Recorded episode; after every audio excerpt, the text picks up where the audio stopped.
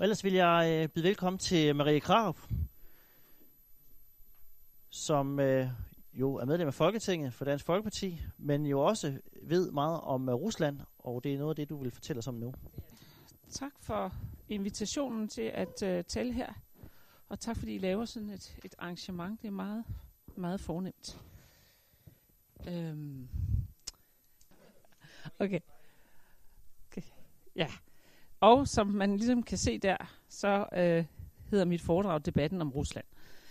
Jeg har deltaget i debatten om øh, Rusland i nogle år, men øh, jeg er på det seneste gået bort fra at deltage i debatten i aviser og tv. Jeg gør det i stedet de steder, hvor der er bedre tid til fordybelse. Og det er der på Folkeuniversitetet i øh, København, hvor jeg har en forelæsningsrække, der hedder Det Moderne Rusland. Og det er der som rejseleder, hvor jeg er leder på et 12-dages flodkrydstogt mellem St. Petersborg og Moskva. Og det er der som foredragsholder rundt omkring i landet, og endelig som forfatter til bøger om Rusland, hvor vi jo taler om den ene i dag. Jeg har forladt den hurtige debat om Rusland, fordi der desværre ikke kommer noget positivt ud af at forsøge at nuancere debatten og se sagen fra flere sider, som jo er det, som jeg ønsker. Man møder en mur af forarvelse i pressen, hvis ikke man gentager det, som det enstemmige og uselvstændige journalistkor har vendet sig til at plapre efter. Jeg er kendt med i russisk og har arbejdet med Rusland siden 80'erne, hvor jeg blev uddannet som sprogofficer i russisk sprog i militæret. Og jeg har arbejdet fagligt med Rusland i mange år. Jeg har også boet der. Jeg ved derfor mere om Rusland end gennemsnitsdanskeren, og jeg mener samtidig, at det er meget væsentligt at lave en nuanceret analyse af, hvad der foregår i Rusland i dag. Men som sagt er det nærmest umuligt at bryde igennem lydmuren. Billedet af Rusland er desværre sådan her. Disse billeder beskriver bedre end mange ord, hvordan debatten er, når det drejer sig om Rusland. Putin og Rusland gøres til ét. Og Putin beskrives som det onde selv, som Hitler. Og man maler et billede af et Rusland, der forsøger at påvirke Vesten i udemokratisk retning. Her ved at male det hvide hus rødt, som man ser på den midterste forside. Som om vi stadig havde at gøre med et kommunistisk land. Ak. Hvis det her var forsiden på samfundsfagsopgaver for 1. G, så kunne man undskylde det. Men det er altså førende internationale tidsskrifter. Den danske debat er desværre på omtrent samme niveau. Det er blevet undersøgt og dokumenteret af en gruppe på Journalisthøjskolen i 2016. Jeg citerer her fra deres rapports efterord. Citat. Af rapporten fremgår det, at Rusland og Putin demoniseres i en form for koldkrigsdækning. Gennem et negativt ordvalg og et forsimplet modsætningsforhold mellem øst og vest, taler de danske nyhedsmedier en ny kold krig frem – med en bipolær fremstilling af dem og os. Citat slut. Demonisering, ja, det er det, der foregår. Og skabelse af en ny kold krig. Og hvis man forsøger at tilføje nuancer til beskrivelsen, så bliver man selv demoniseret, eller beskyldt for at være i ledtog med Putin eller med Kreml. Det er som sagt derfor, at jeg ikke overgår den hurtige debat mere. For man får aldrig mulighed for at svare på beskyldningerne om, at man er styret for Kreml, eller har en særlig forkærlighed for diktatur. Men hvis man har interesse i andet end hurtige slagord og demonisering af modparten, så vil man se, at der selvfølgelig findes eksperter i Ruslands historie, politik og internationale relationer, som har forskellige holdninger til, hvad der foregår. Ganske ligesom det også er tilfældet, når det drejer sig om USA, Frankrig eller Danmark. For verden er ikke enten sort eller hvid. Her ser man en oversigt over de forskellige grundholdninger blandt eksperter til Ruslands udenrigspolitik i forbindelse med Krimkrisen, som vi har. De er ganske forskellige, og de strækker sig, som man ser, fra en betragtning af Rusland som handlende offensivt til en betragtning af Rusland som defensiv. Som man ser på skemaet her, har det stor betydning for vestens politikudformning, hvordan man analyserer Rusland. Hvis Rusland virkelig har en offensiv strategi med imperialistiske ambitioner, så bør vi naturligvis opruste og træne os til kamp. Hvis Rusland har en defensiv strategi, skal vi omvendt søge at vinde deres tillid, så vi kan opbygge samarbejdet til gavn for begge parter. Hvis den midterste variant er rigtig, så skal vi lidt af begge dele. I mainstream-medierne ser man kun det offensive perspektiv beskrevet. Skulle man komme for skade og have en holdning, der går på tværs, så risikerer man at blive fanget af East Stratcom, der er en EU-betalt gruppe, der sidder og holder øje med pressen og som en form for detektor koncentreret om Ruslandsdebatten afslører, når der er tale om russisk misinformation. Her ser man forsiden af øh, e Stratcom netudgave fra den 9. september. Det er altså russisk misinformation, hvis man skriver, at NATO kan opfattes aggressivt, eller at æsterne ikke er vilde med NATO osv. Danmark er som land med til at finansiere denne gruppe, og en af mine tidligere medstuderende fra Slavisk Institut får en fyrstelig hyre for at sidde og lave det her magtværk. Jeg har flere gange stillet spørgsmål i Folketingssalen om, hvorfor søren vi er med til at finansiere den slags propaganda. For det er det, det er. Dårlig propaganda for et bestemt synspunkt angående Rusland. I den bog, som vi taler om i dag, er der et helt kapitel om East Stratcom. Det er aldeles fremragende og afslører foretagendet helt og aldeles som netop propaganda. Og jeg vil så lige tilføje, at jeg har besøgt områder i Estland, hvor man bestemt ikke er vilde med NATO. Så det kan godt være, at East Stratcom ikke bryder sig om nogle Esters holdning. Men det er bestemt ikke kun russisk propaganda, at en god del af esterne synes, at NATO er unødvendig i dag.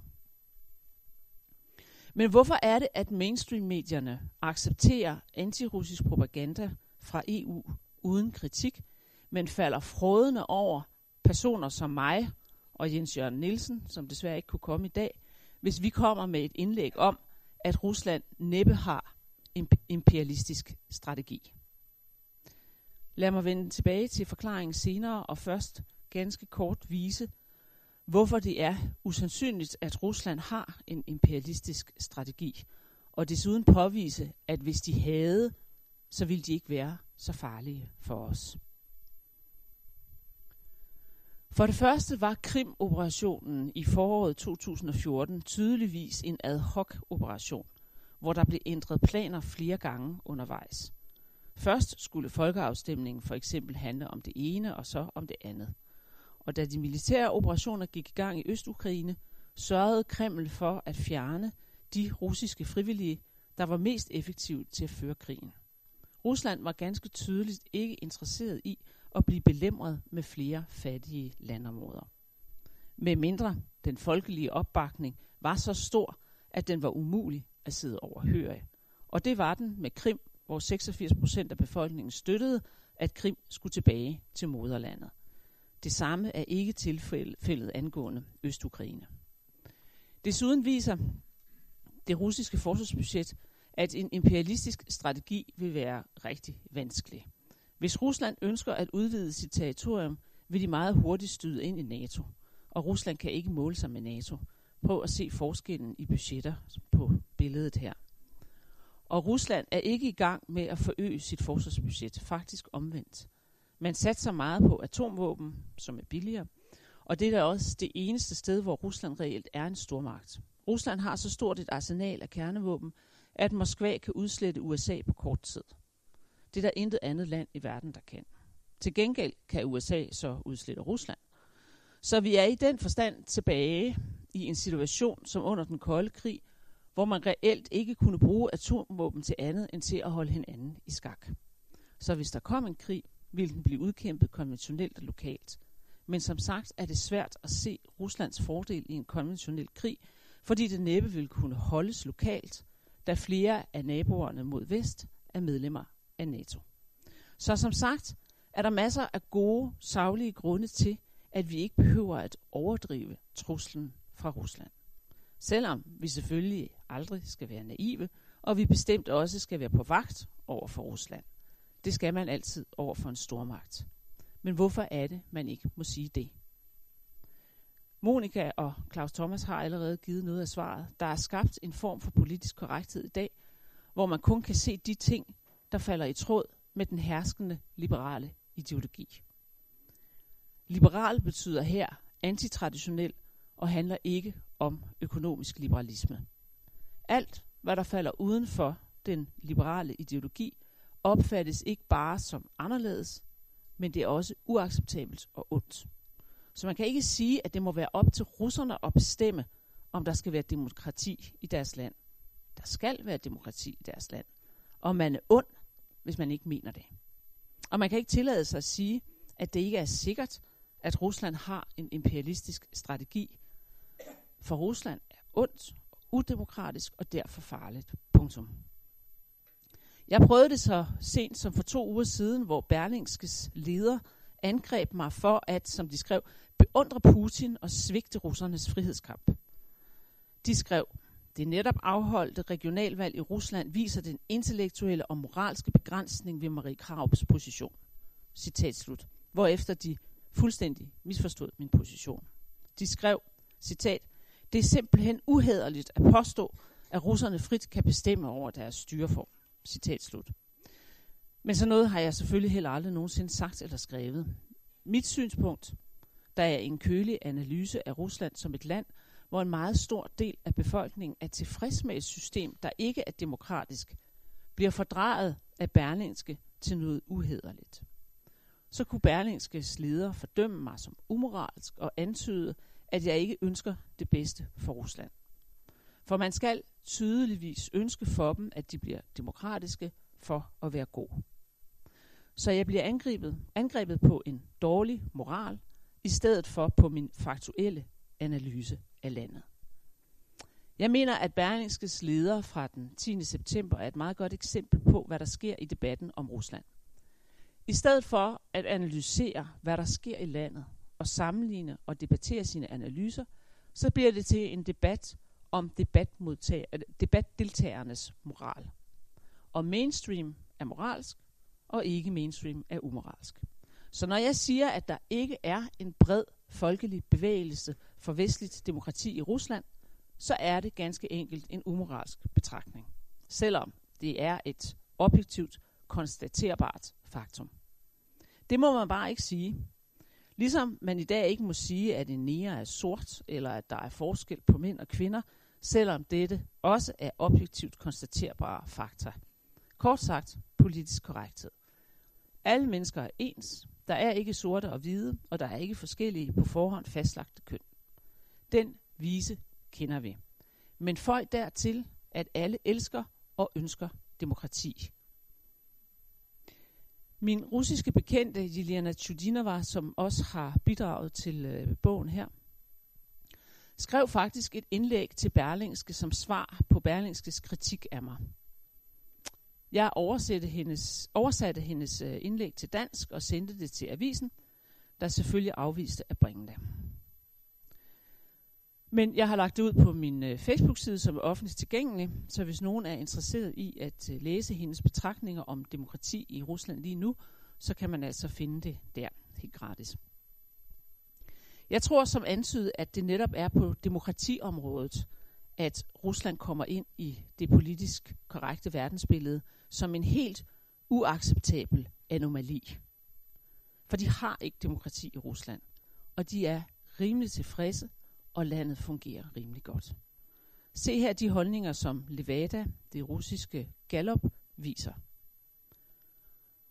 Og det skal kun prøve at se på de røde tal der. Kun 7 procent at den russiske befolkning synes, at demokrati er et meget væsentligt spørgsmål. Og 45 procent anser vestligt demokrati for farligt for Rusland. Mens 49 procent syntes i august 2019, at landet som sådan bevæger sig i den rigtige retning. Jeg mener, at Levata her afdækker det faktum, at russerne har et helt andet forhold til vestligt demokrati, end vi har. Men kan man tillade sig at sige, at ønsket om demokrati ikke er universelt? I bogen The Dark Double fra 2019 gør Andrei P. Tsigankov opmærksom på, at USA og Rusland har to forskellige værdisystemer. Det russiske er præget af en forståelse af frihed som åndelig frihed, inspireret af ortodox kristendom, samt et ønske om en stærk stat, der også har et socialt ansvar for borgeren og er stærk nok til at bekæmpe indre og ydre fjender. I USA derimod har man en individualistisk tilgang, inspireret af den protestantiske kristendom, og et politisk system baseret på politiske frihedsrettigheder og checks and balances. Efter 2. verdenskrig er man gået bort fra at se disse værdier som traditionelt amerikanske eller vestlige, til at se dem som universelle og brugbare i alle verdens samfund. Den nuværende demonisering af Rusland i især amerikanske medier sker som følge af en skuffelse i Vesten over, at Rusland ikke er blevet vestligt demokrati, som tesen om det liberale demokratis universalitet jo forudsiger. Men demonisering handler også om, at man forsøger at slå sine egne værdier fast som de sande og rigtige i kontrast til de forkerte. Jo mere sort og ondt man kan beskrive Rusland som, jo mere glad kan man blive for sig selv og sin egen gode moral, samt berettige sin egen samfundsindretning. Som Tigankov skriver i bogen The Dark Double, ved at piske en angst for Rusland op, kan de amerikanske og europæiske eliter blive ved med at strukturere deres institutioner og strategier omkring en modstander, der er kendt, bekvem og fuldstændig ufarlig. Citat slut. Og så skriver øh, Sigankov videre, men på trods af uenighederne, så er der ikke nogen skarp noget skarpt ideologisk skæld imellem Rusland og Vesten. Værdierne er forskellige, men de er ikke så fundamentalt i konflikt, at de ikke kan leve side om side. Der er i virkeligheden tale om en meget større ideologisk forskel mellem sekularisme og radikal islam, og den berører både Rusland og Vesten. Citat slut. Ja, det er jeg helt enig med Tsigankov i, og derfor er det også nødvendigt at finde en måde at samarbejde på, altså mellem Rusland og Vesten. Og jeg tror ikke, at det behøver at være så svært, som det lyder. Hvis man i Vesten vil gøre kål på den nye kolde krig, så kan man. For den nye kolde krig er ikke en ægte kold krig med helt divergerende ideologiske systemer. Den gamle kolde krig var meget sværere, og den kunne vi overvinde. Så vi kan selvfølgelig også overvinde denne. Den amerikanske præsident Ronald Reagan fik faktisk afmonteret den gamle kolde krig ved at sætte sig for at forstå den russiske sjæl og det russiske folk. Han havde nemlig lyttet til en af sine rådgivere, der sagde, citat, for at vide, hvad folk vil kæmpe for, er du nødt til at vide, hvad de elsker. Citat slut. Det bevirkede, at han satte sig ind i russisk kultur og tradition. Han kom så vidt, at han lærte det russiske ordsprog, som er titlen på den her bog, der var jeg nu jeg, som vi har på dansk, men ikke helt rigtigt, ikke på helt samme måde med tillid er godt, men kontrol er bedre. Og ordsproget er også, som jeg sagde, titlen på den bog, som hans rådgiver Susan Massi senere skrev om ham og afslutningen af den kolde krig. Reagan blev fascineret af det russiske folks vilje til at holde fast ved religionen, trods den kommunistiske undertrykkelse. Han fik respekt for russerne og ønskede at række ud til dem. Det lykkedes ham derved at vinde Gorbachevs tillid og respekt, og sammen afsluttede de den kolde krig. Herefter afmonterede russerne selv Sovjetunionen og kommunismen. Dagens opgave er meget mindre. Det kræver blot, at vestlige ledere, politikere og journalister begynder at sætte sig ind i, hvad Rusland er for en størrelse. Man behøver naturligvis ikke at elske Rusland. Men man kan da i det mindste forsøge at beskrive Rusland, som det er. Man er nødt til at tage de ideologiske briller af. Men som vi har vist i denne bog, så er den politiske korrekthed så stærk, at det kan være vanskeligt at give sig selv og andre lov til at se uhildet på verden. Fakta er skræmmende, hvis ikke de passer ind i ens konstruerede verdensbillede. For så falder både ens verdensbillede og ens egen identitet fra hinanden. Man skal være lige så modig, som Reagan var i 80'erne, for at ændre noget. Og man skal begynde med at ændre indstillingen til sig selv og sit eget verdensbillede. Det er vores opgave i dag. Og jeg håber, at vores bog vil gøre en lille smule af det store arbejde, vi har foran os. Tak for ordet.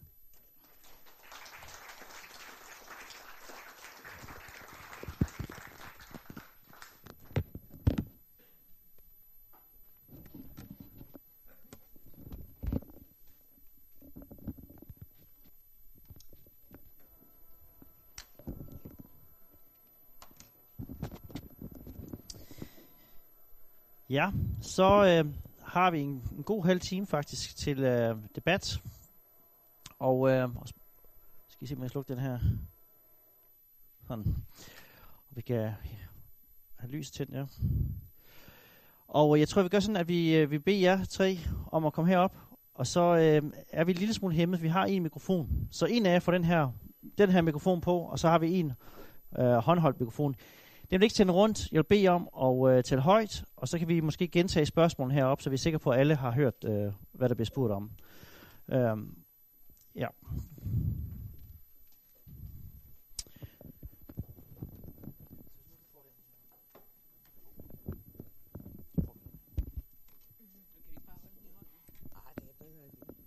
Vil du have den her? Ja, du kan få den her, så, så kan vi dele den her.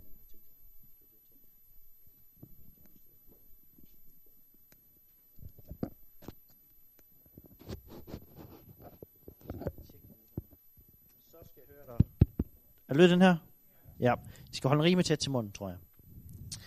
Så øh, nu har vi en god halv time, hvor I må stille spørgsmål og kommentere, og øh, så vil jeg... Ja, så må vi... Øh, tager vi den. Og det første spørgsmål er her. I må lige sige, hvem I er også. Kan du?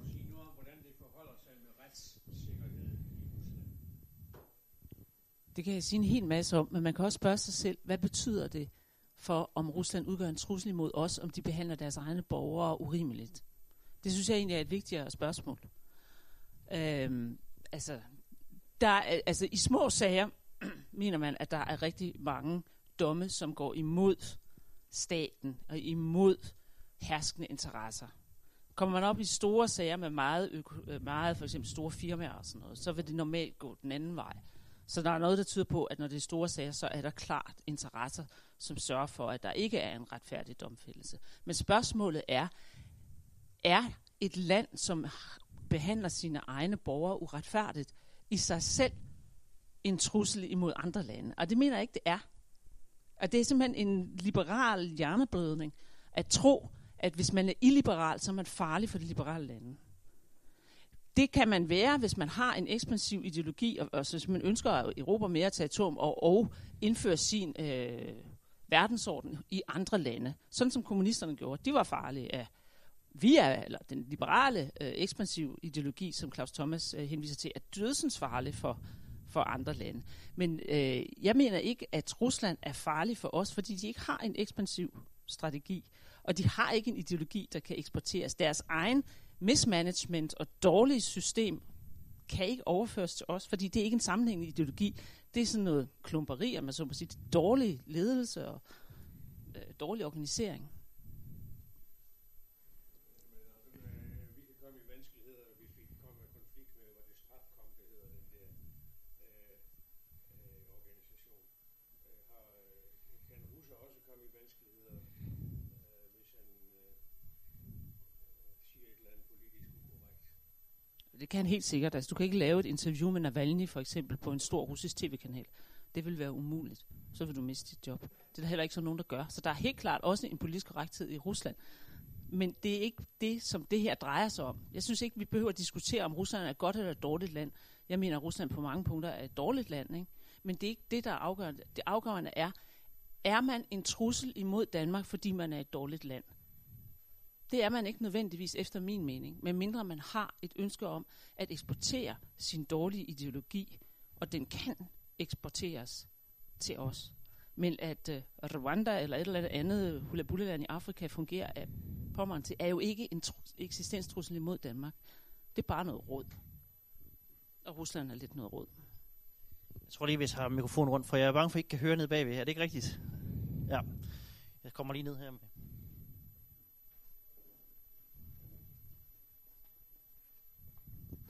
Hans Ole Bækgaard. Tak for tre spændende indlæg. Glæder mig til at læse øh, resten af bogen. Øh, det er måske mest til Claus Thomas, øh, som jeg synes, der, der er mange interessante øh, overvejelsesperspektiver i, og også dybde.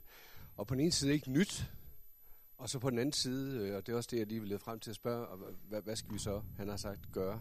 Øh, når jeg siger, at det ikke er nyt, så, så kunne man jo hive nogle gode folk frem, der, der har sagt noget lignende. Øh, for eksempel allerede en, som jeg har læst noget på, øh, Eivind Berggrav, norsk biskop, øh, for eksempel allerede 52 efter, efter 2. verdenskrig, hvor han også på et møde i Luthers Verdensforbund sagde, han, han har sagt nogle af de samme ting også om øh, demokratiet som nye totalitarisme, eller velfærdssamfundet øh, med hele ideologien der, der vil udvikle sig til nogle af alle de perspektiver, også, som du øh, trækker frem her, og vi vil komme til at slås med, hvem er det, der skal bestemme, hvad der er ondt og godt. Den øh, statslige indretning, det at kalde, øh, han har sagt, øh, det demokratiske sindelag, som han pegede på, bliver den styreform, som man får, eller skal man trække en tråd fra det lutherske, at man får et omvendt af det åndelige og værste regimente, at, øh, at det værste regimente tager sin åndelige eller sakrale autoritet eller position. Så jeg tænker, alt det her på den ene side, øh, og jeg, jeg er bare så meget yngre, at det er egentlig først inden for de senere år, at jeg har begyndt at læse op på historien og finde ud af, det her, det kunne man have sagt sig selv på en eller anden måde. Og så kan vi sige, så er vi så her i dag, øh, og man kan råbe op, det gør I blandt andet med en bog, øh, og man kan så være enig eller uenig, og det er heller ikke se, I er enige i alt, hvad nogle af de andre skriver i bogen. Men alligevel på et grundplan, så kan man råbe op på forskellige vis, eller man kan synes, man er nødt til at lukke munden og få det ind i, øh, kun i undervisning, sådan som du beskriver det, Marie, at man trænger lidt væk fra den offentlige debat. Er vi bare der, hvor vi må sige, at vi er i en tid, hvor det at sige det her politisk ukorrekte, det, øh, det vil der blive forsøgt og lagt låg på, øh, og det synes jo jeg også på flere andre fronter, vi faktisk oplever i dag. Eller, eller hvad, hvad er, kan man sige, trækkende? Jeg, altså, jeg, jeg synes ikke, du kom helt så meget ind på at sige, hvad er det så, vi kan gøre? Hvor er det på den måde, kampen står, det fronten er? Fordi problematikkerne, tænker jeg, nogle af dem kan vi godt blive enige om. Men, men hvad er det, vi på en eller anden måde kan, kan gøre, og dermed være en kamp værd?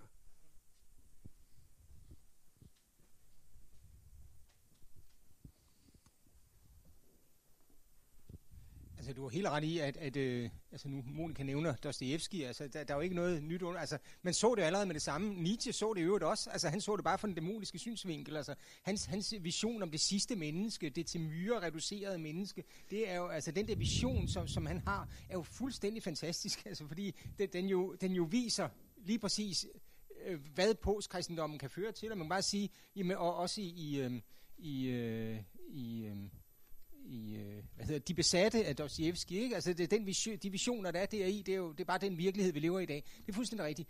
Øh, hvad kan man gøre? Det, det vigtigste er at erkende, hvilken situation man er i. Altså, det vil sige, altså, og, og hvis man er kristen, ikke, så må man bare erkende, altså, hvis man sender sine børn hen i skolen, så opdrages de i en anden religion end kristendommen. Altså, det, det er jo, der er man jo allerede noget langt ved at erkende det. Altså, at man ikke hvis man ønsker at opdrage sine børn kristen, og det er jo noget, vi slet ikke er kommet frem altså, øh, til nu. Jeg har slet ikke draget konsekvenserne af de tanker endnu, men det, det burde jeg måske have gjort. Ikke? Altså, det, sige, at, at der er ikke længere konsensus mellem kristendommen og så det samfund, vi lever i. Og det har jo nogle, nogle meget store konsekvenser, altså at man er en lille forfulgt sekt, hvis man er kristen i vores tid. Og det, altså, det, det er noget, der ikke er brudt så meget igennem nu, men, men det, det er en rigtig god idé at indse det i tide, og der er sikkert mange af jer, der har læst ham, den amerikanske forfatter, der hedder Rod Brewer, som, som har skrevet den The Benedict's Option, altså hvor, hvor, hvor han sammenligner i forlængelse af det, der han er ikke den første, der har gjort det, men, men han sammenligner vores tid med, med, med øh, tiden fra Augustin og frem efter, hvor øh, altså man mener, altså verden er, den situation, vi lever i, er brudt sammen, og nu må vi se, om vi kan overleve i den tid, hvor vi, øh, vi er i. Og, og øh, det er helt sikkert en masse små ting, ikke? Men, men det er, det er først og fremmest det private. Altså det er først og fremmest, hvordan indretter vi kirken hos os selv, ikke? og hvordan indretter vi privatlivet hos os selv. Altså den europæiske kernefamilie er jo, øh, er jo en... Øh, altså man, man skal virkelig leve alternativt i dag for at leve i den europæiske kernefamilie. Ikke? Altså det, det er blevet en fuldstændig udskudt situation at være i og noget, som måske ikke engang er tilladt altså, øh, i vores samfund. Det, det skal vi også forberede os på. Altså, det, det er jo snart, altså for nogle grupper i vores samfund, er det ulovligt ikke at sende sine børn i vuggestue. Altså, så allerede, altså, det mener staten virkelig, at den har ret til at bestemme. Ikke? Og, og når det gælder for muslimer, som det gør lige nu, ikke? Så gælder det altså også snart for kristne. Ikke? Det vil sige, vi skal indstille os på, at vores virkelighed er den samme, som den Jehovas vidner var i for nogle år siden, som den her lille udskudte sekt. Ikke? Og det, det må man så erkende. Og det er jo enormt svært at være en udskudt sekt, uden at blive sekterisk. Det er, jo, det er jo en anden enorm udfordring, fordi vi skal stadig være en del af en store almindelige kirke og sådan noget, men det er enormt svært ikke at blive se- sektagtigt indad til os. Altså, der er en masse udfordringer. Men altså, jeg tror, det man skal gøre, det er først og fremmest det fuldstændig private. Det er først der, det er kun der, det kan, øh, at man, man kan handle øh, i dag.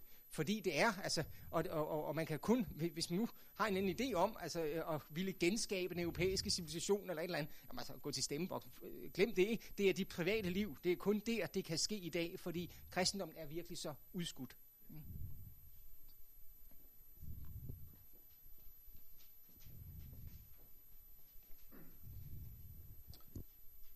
Det er, jeg hedder Jens Lomborg. Jeg har et spørgsmål til det her med, øh, med ytringsfriheden. Altså forleden i Deadline, der sad øh, Facebooks nordiske øh, kommunikationschef og fortalte om, hvordan Facebook, en privat ejet virksomhed, havde besluttet øh, at bane en Tommy Robinson, som meget kender ham ikke, men altså han har ligesom gået ind i en sag omkring noget pakistansk voldtægt af tusind piger over i, i Rochester. Mm-hmm.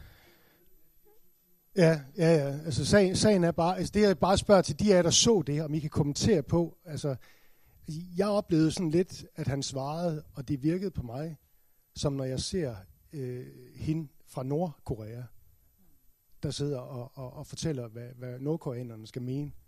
Altså, jeg, jeg, jeg var dybt, dybt rystet over, at en privat organisation som Facebook, som vi alle sammen bruger i Vesten, øh, simpelthen giver sig selv det monopol, at kan bestemme, hvad der er had, øh, en hadprædikant. Altså han blev sammenlignet med Ratko, Ratko Mladic og andre. Sådan.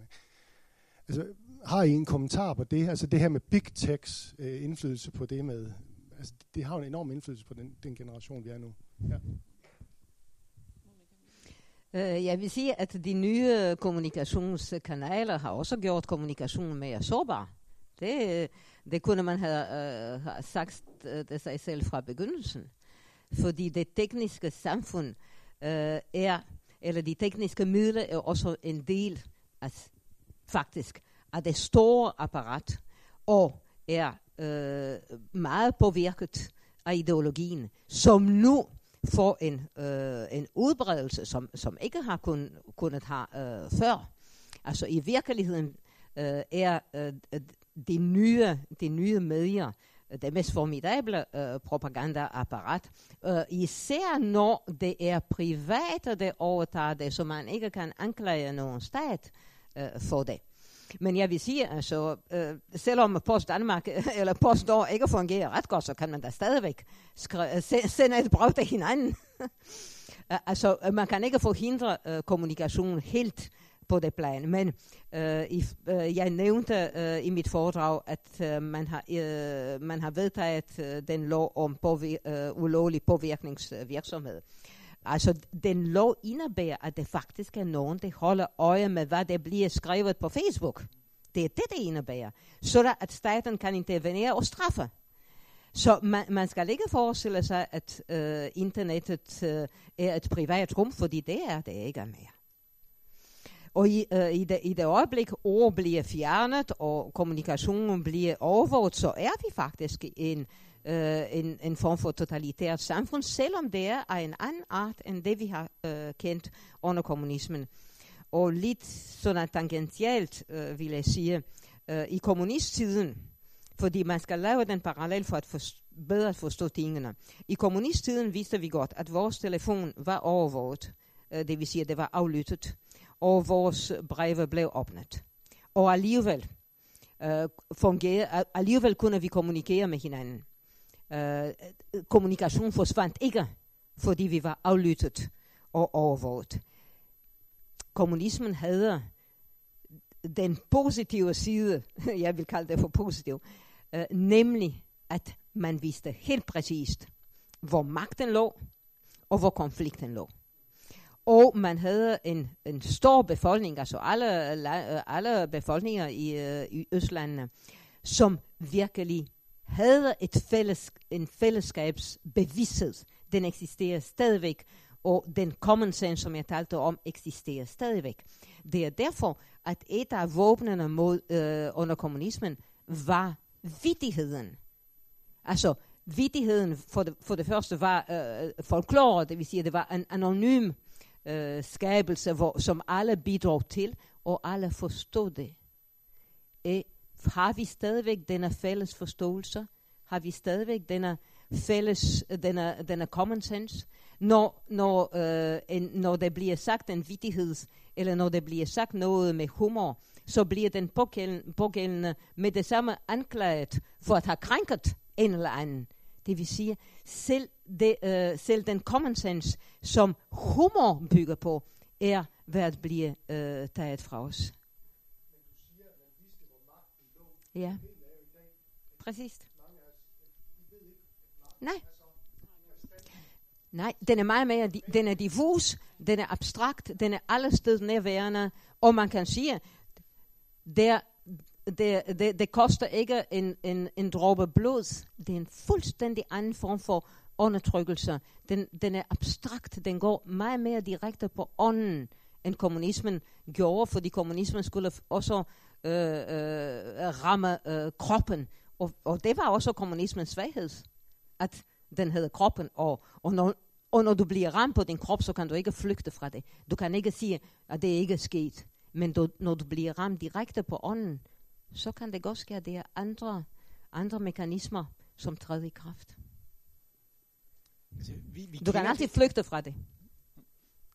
Ja. Vi kender jo alle sammen fra, altså fra, fra alle mulige sociale sammenhæng, hvordan, hvordan daber, øh, danner man i et samfund det, man må sige, og det, man ikke må sige. Det gør man jo gennem, at, vi, at vi, vi, vi lærer, hvordan vi bliver accepteret i den sociale klasse, vi nu mm. gerne vil tilhøre. Mm. Og det i dag, altså før i tiden, der var det sådan, hvis man så havde, hvis man havde gennemført en gymnasieuddannelse, så vidste man, hvordan kniv og gaffel skulle, lå, om, øh, skulle mm. ligge på bordet, ikke? og man vidste, hvad for noget musik, der var smuk, klassisk europæisk musik, og man havde noget kulturel dannelse osv. Det har man jo ikke, når man går ud af gymnasiet i dag. Det eneste, man ved, det er, hvad der er politisk korrekt. Men derved har man jo også sat et klasseskæld mellem de dannede og de ikke dannede. Mm. Fordi det er, jo, det, er jo, det er jo en af de ting, som sådan noget bruges til. Altså, de rigtige meninger kan jo skifte på et øjeblik. Det kan godt være, om øh, to år, så skal vi mene noget fuldstændig andet politisk korrekt. Men det har magtens evne til at sætte sig igennem som det, man må og det, man ikke må. Og det er også et klasseskæld i dag. Jeg hørte lige i går et, et, et, et vidunderligt eksempel. Der, øh, det var en, der fortalte, hun havde siddet sammen med nogle andre kvinder, og, øh, og så var der en i selskabet, som havde, øh, som havde sagt, at hun havde været til en gynækologisk undersøgelse, og hendes mand havde stået udenfor. Og så var han blevet fuldstændig forbrilsk over, at det var Nea, der foretog den her gynækologiske undersøgelse. Ikke? Og, og, og, det, det var, øh, og det har selvfølgelig med en masse at gøre. For det første, han brugte ordet Nea, men, men så også det her med nogle gynækologiske undersøgelser. Der er så nogle, nogle racestereotyper omkring mm. Nea og sex og sådan noget, øh, så, som man havde i gamle dage, som den her. Og hvad var det for en kvinde, der sagde det her? Det var en ægte arbejderklasse kvinde, som aldrig har gået i gymnasiet. Ikke? Og de andre, der sad, det var et selskab på et sygehus. Lægerne, de sad og kiggede ned i bordet. Ikke? Der var nogle af sygeplejersker, der grinede. Der kunne vi sagt med det samme se det sociale hierarki. Jo længere uddannelse man havde, jo mere politisk korrekt var man, og jo mere pinligt synes man, det her var, hun sagde, som var ment fuldstændig uskyldighed. Ikke? Der sætter man det der, det er, det er sådan den nye måde at sætte klasseskæld ind. Og, mm-hmm. og ligesom i kommunismen, der skulle man vide, hvem er det, der blev udstødt i sidste uge af Kommunistpartiet, mm. som nu er blevet unævnelig. Og der er det fuldstændig ligegyldigt, hvilke holdninger det drejer sig om. Det drejer sig om bare at være med på det seneste. Derved siger man, haha, jeg tilhører de fine, og alle de andre I er rosse, som ikke følger med i det nyeste. Ja, fordi hvis jeg lige må tilføje på, på Ruslands område, altså hvor der, som, som jeg sagde i oplægget, jo helt tydeligt er noget, der er rigtigt og noget, der er forkert at sige, der får du jo kun de gode stillinger, hvis du siger det rigtige. Altså jeg kender jo nogle af dem, der arbejder rundt omkring, fordi vi er ikke så mange, der har læst russisk i tidens løb.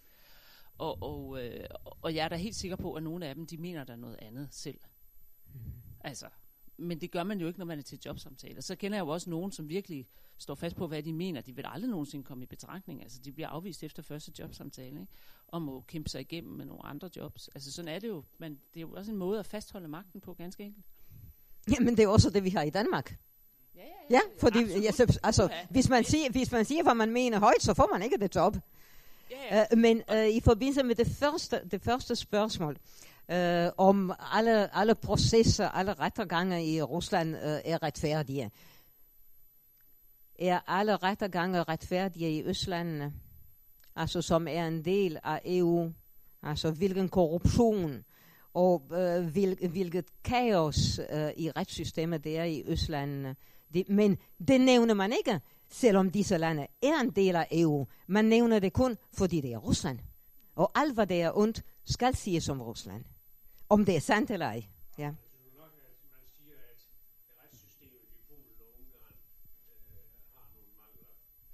Mm, og man siger, man, det man især siger er, det som falder for brystet af det politisk korrekte. Det er det, man siger. Altså rigtig korruption så, øh, og et øh, retssystem, som ikke fungerer, så skal man til Rumænien for at finde. Men ikke til Polen og, øh, og Ungarn. Nej, Polen og Ungarn er, øh, bliver, øh, eller Slovakiet bliver kritiseret, fordi de tør for eksempel sige abort.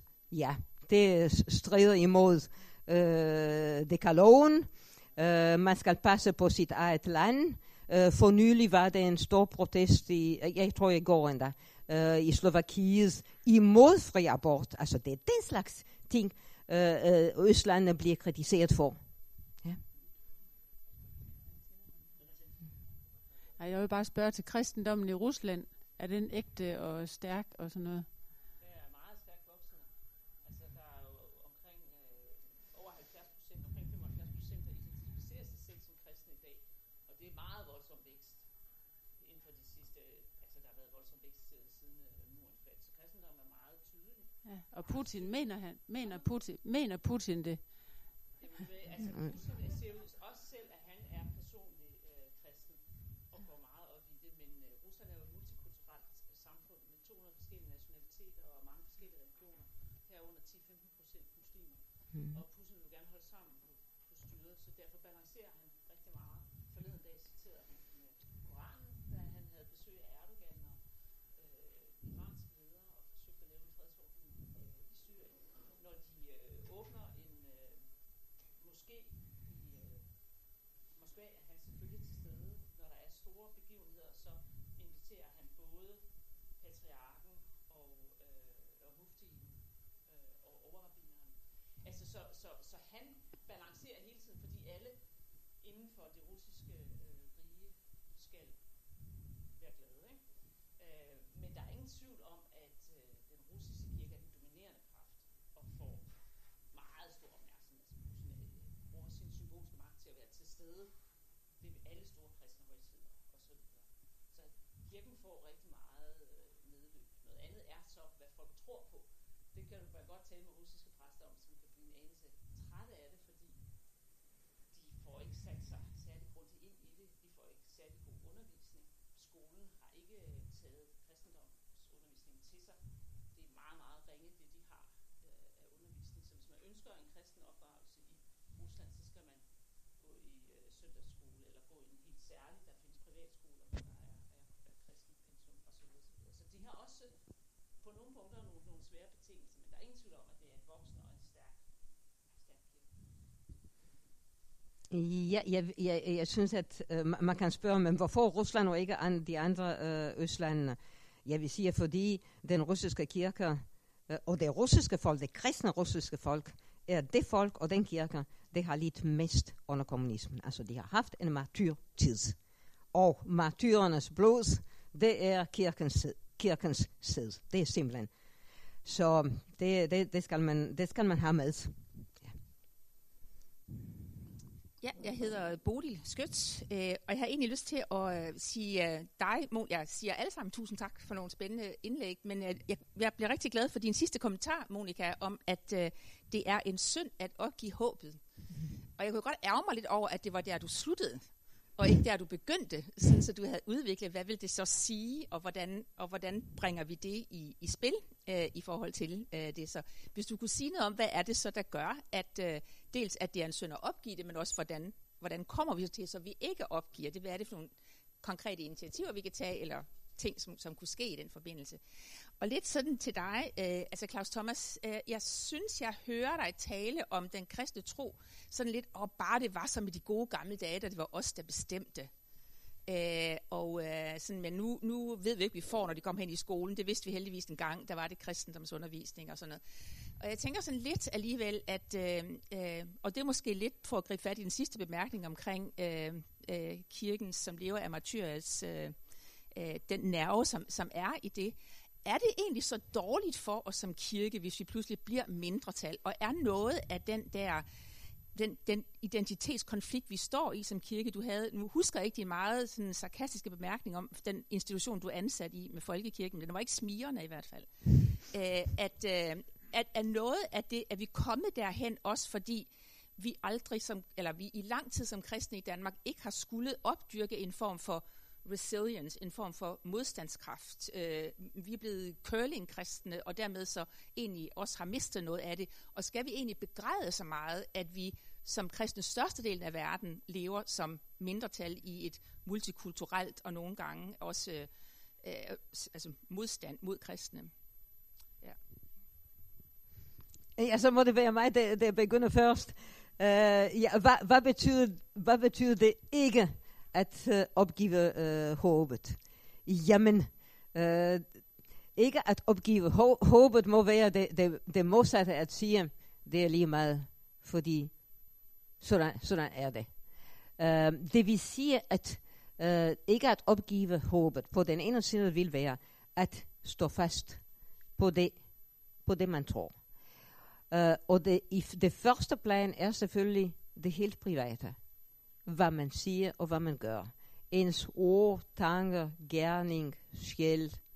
Uh, og herfra kommer det allernærmeste fællesskab.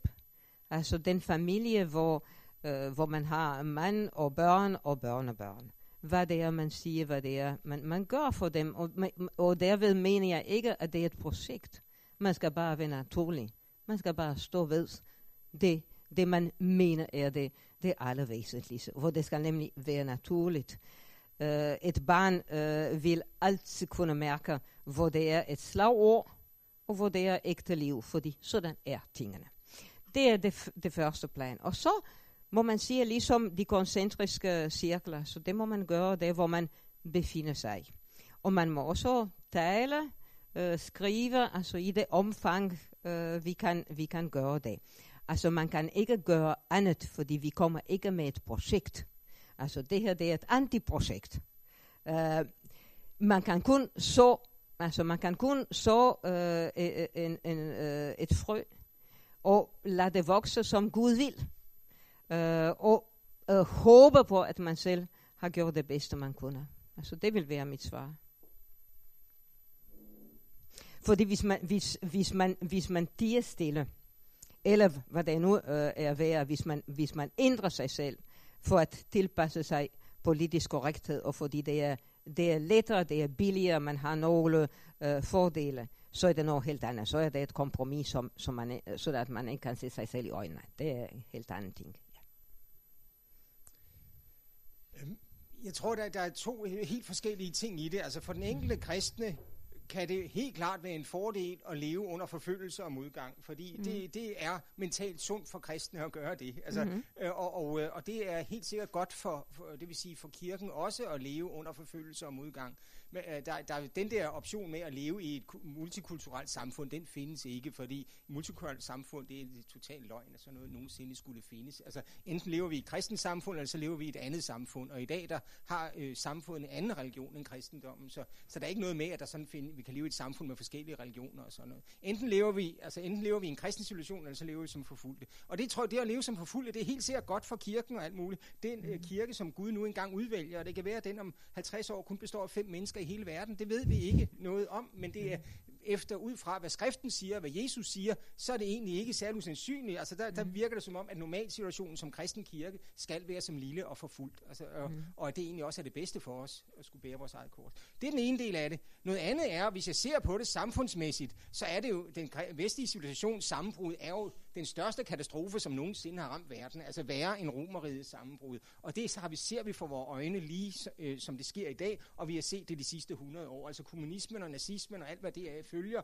Og det er totale demografiske sammenbrud, som vi oplever i Europa, hvor mennesker ikke længere lever i familier, stort set ikke får børn mere. Sådan. Det er den største katastrofe, man nogensinde har oplevet, og det er da en katastrofe. Ikke? Og der, der må vi da som kristne bare bede for, at, at, øh, at, øh, det, øh, at det bliver noget andet. Det er men, men, men det er jo ikke noget negativt for den enkelte kristne, altså mm. som i hans forhold til Gud og forhold til kirken og sådan. Der er der jo ikke noget som helst at få tvivl over. Men, men, øh, men, men det er da øh, en, en frygtelig situation at opleve sin egen civilisations totale sammenbrud. Vi når et enkelt spørgsmål mere, og så har jeg også lidt til sidst, men øh, vi har en hernede. Jamen, det passer egentlig meget godt i forlængelse. tak for nogle gode oplæg alle sammen, men det var til Claus Thomas. Øhm, så, hvis, så hvis du maler det her apokalyptiske billede øh, om den vestlige situations sammenbrud, kan man sige, øh, men hvad er så hvad er der så for svar? Hvad er det for en, du siger, der er ikke nogen konservativ orden, men hvad skal vi så forsvare mod for eksempel en befolkningsudskiftning, tænker du?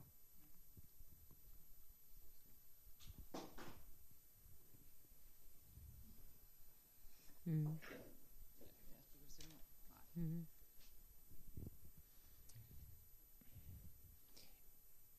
Altså jeg vil jo, altså, så, som almindelige, almindelige øh, deltagere i, i, i de rester af demokrati, vi har tilbage, der vil jeg jo gerne undgå, at mine børnebørn bliver stenet, inden de bliver gamle selvfølgelig. Og så derfor, altså ligesom alle andre, så vil jeg jo, så vil jeg jo gerne udsætte, altså udsætte øh, øh, øh tingene lidt. Altså ligesom enhver borger i Romeriet selvfølgelig deltog i at forsvare grænserne til allersidst, og sådan at der, er, der er nogle små ting, man gør som samfundsborger. Altså, øh, det er selvfølgelig det rent ydre, øh, men, men, men, men langt mere væsentligt er det, at øh, altså, øh, det daglige liv som kristen. Altså, og det er noget, som jeg slet ikke lever op til, og slet ikke har, rigtig har fået min tanke omkring endnu, og sådan noget. Men, men det, øh, øh det, det er det, der er det væsentlige. Altså den der, at mennesker, som skaber et samfund omkring sig selv, hvor de prøver at leve kristen og prøver at leve som en del af den hellige almindelige kirke, der hvor man nu er, det, det, det er det eneste, der i mhm. virkeligheden nogensinde flytter verden. Altså, øh, fordi, øh, øh, ligesom jeg nævnte, at missionærerne er de eneste, der nogensinde har ændret noget i Afrika. Det var dem, der omvendte de enkelte hjerter. Ikke? Der kommer aldrig noget ved systemer og alt sådan noget.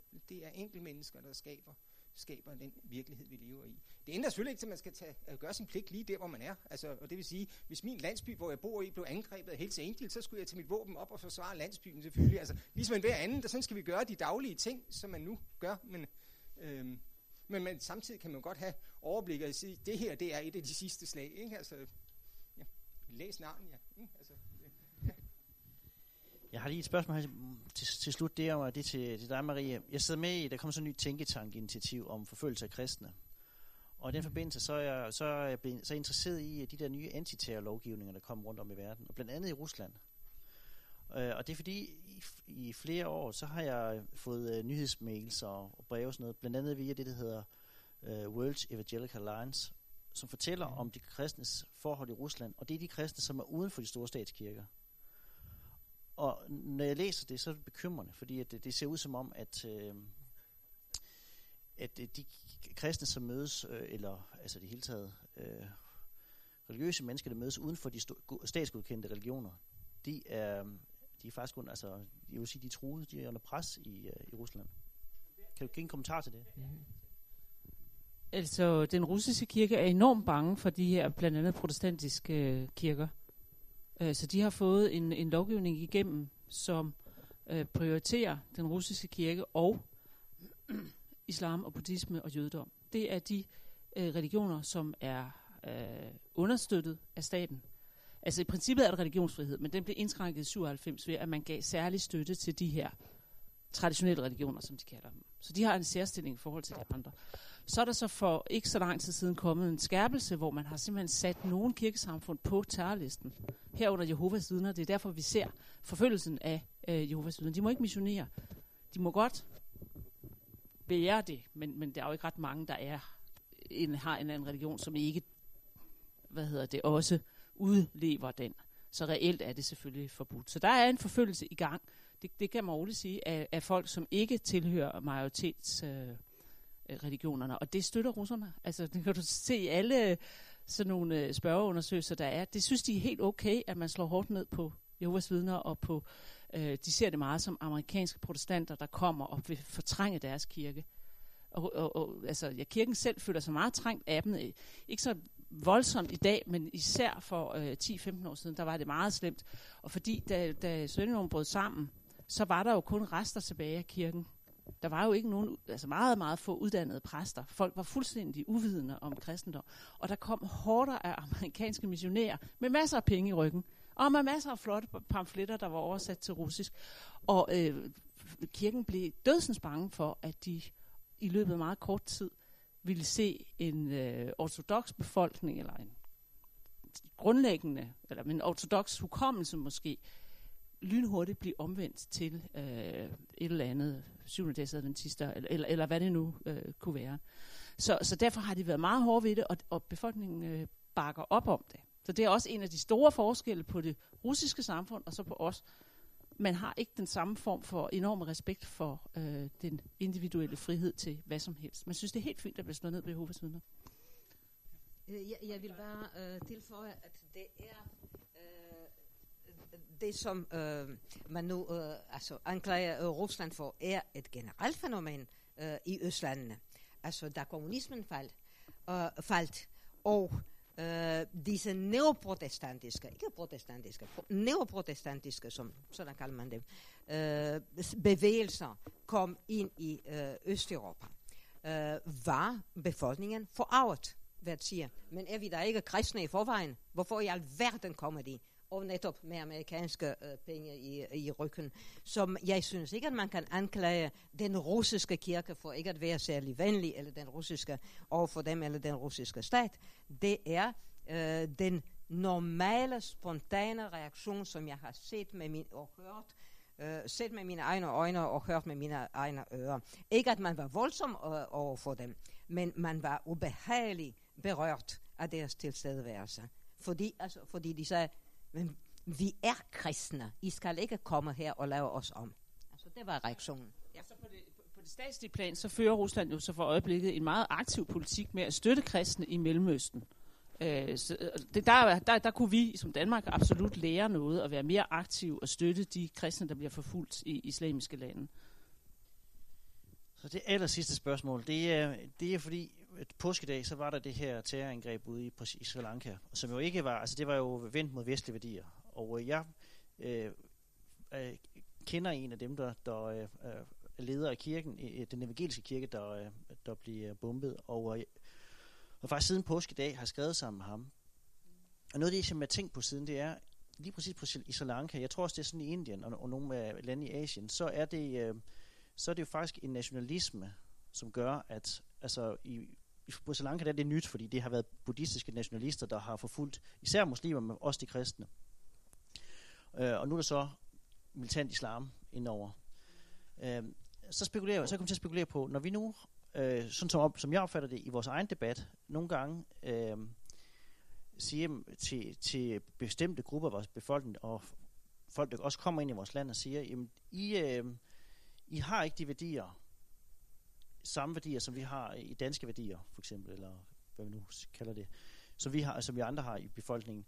Derfor så, øh, altså meget firkantet, groft sagt, ikke? så, så, så, så, øh, så hører ikke hjemme her, hvad mindre I får de værdier i hvert fald. Og vi kan, vi, ja, altså, der er også nogle gange, at vi argumenterer i, i vores hjemlige debat med, så tager vi, derfor skal I heller ikke have de samme rettigheder. Altså det er simpelthen, at det, det hænger sammen. Øh, det er præcis den situation, tror jeg, som de kristne, de, er ofte, de er i, i, øh, i nogle af de lande.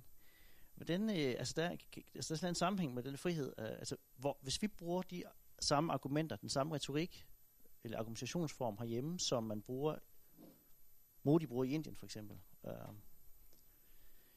det synes jeg er, er, er, er vældig udfordrende. Altså hvordan, hvilke, hvad, hvad den stiller, eller hvilken situation stiller det så de kristne i, øh, på, for eksempel på Sri Lanka? Har en kommentar til det? Altså, det, jeg, jeg, jeg har jo bare den politiske kommentar, at øh, hvorfor skulle vi være en kalke af andre? Altså, jeg synes ikke, at man skal forfølge kristne. Øh, det er fordi, jeg er kristen. Jeg ønsker, at den kristne tro skal overleve. Men jeg synes ikke, at Danmark skal blive islamisk, og derfor skal vi ikke give mulighed for, at øh, islam udvikler sig meget voldsomt. For eksempel, altså nu nogle af de steder, hvor man kan sige, at man har mistet den personlige frihed i Danmark, det er jo, at du som ikke dansktalende kan ikke få lov til at passe dit barn i hjemmet. Altså du, hvis du bor i en ghetto, og du taler arabisk med dine børn, så skal dine børn i børnehave. Dermed har du mistet din personlige frihed. Og som forkynder kan du ikke øh, forkynde efter islams lære, fordi det er i strid med vores lovgivning, hvis du øh, forkynder at øh, drab på jøder. Der har du mistet din personlige frihed på de to områder. Og det må jeg sige, det synes jeg er okay. Og jeg synes ikke, at vi skal sammenligne det med, at, øh, at, kristen, at kristen forfølgelse og, og så videre, så videre. Hvis Danmark ønsker at overleve som et majoritetskristen land, eller som dansk land, så, så er der sådan nogle ting, vi er nødt til at sætte ind, og jeg tror, vi kommer til at se meget mere af det i fremtiden. Det er meget, meget uhyggeligt, fordi det multikulturelle netop altid ødelægger muligheden for frihed. Det gør det. Altså hvis ikke vi er en meget stor majoritet dansk og, og kristen øh, andel af befolkningen, så bliver frihederne voldsomt indskrænket, og det er sikker på, at det bliver det desværre også i Danmark. Ja, Altså, det, det, øh, øh sådan er det jo bare. Altså, et multikulturelt samfund, som man kalder det, det er jo et samfund uden frihed. Fordi altså, så, så, skal alle, så skal alle begrænses af alle mulige, fra alle mulige retninger. Altså, og det problem havde vi slet ikke før i tiden. Altså, hvis vi nu havde forestillet os, at der var 500 muslimer i Danmark, så ville vi jo give dem alle rettigheder. Så ville vi også give dem islamiske domstole, og hvad de nu ellers har lyst til. Så kunne de leve som en lille minoritet i Danmark. Men fordi det nu er den her truende enhed, så, så kan det ikke længere lade sig gøre, vel? Og det går ud over alle. Ikke? Det går også ud, så går det ud over jøderne. Ikke? Fordi så vil folk forbyde omskæring, fordi det var da en måde, vi kan mobbe muslimerne lidt. Ikke? Og så kan jøderne ikke få lov til at omskære deres børn heller. Også. Det, det, her, det er det her multikulturelle, multikulturelle kaos, som man oplever. Og man oplever den daglige konversation, altså som man gør jo, man på amerikanske arbejdspladser overhovedet ikke kan tale sammen, fordi man det er så frygteligt, at man kommer til at støde nogen. Fordi man har ophævet skælet mellem vært og gæster. Hvis vi nu havde dem som gæster i vort land, så vil vi sige, at de er gæster her i et kristent hus, er de nogle, nogle gæster og en lille bitte minoritet, som så rejser igen på et tidspunkt, når de kan komme hjem til deres eget land. Sådan tænkte man før i tiden, og, og der kunne man have frihed, også for gæsterne. Men i det samfund, vi er opbygget, der fjerner man friheden, både for gæster og for værter. Det er det sidste ord, vi kan nå. Jeg vil gerne sige tusind tak, fordi at, uh, I vil bruge en uh, formiddag sammen med os. Skal vi lige give en hånd?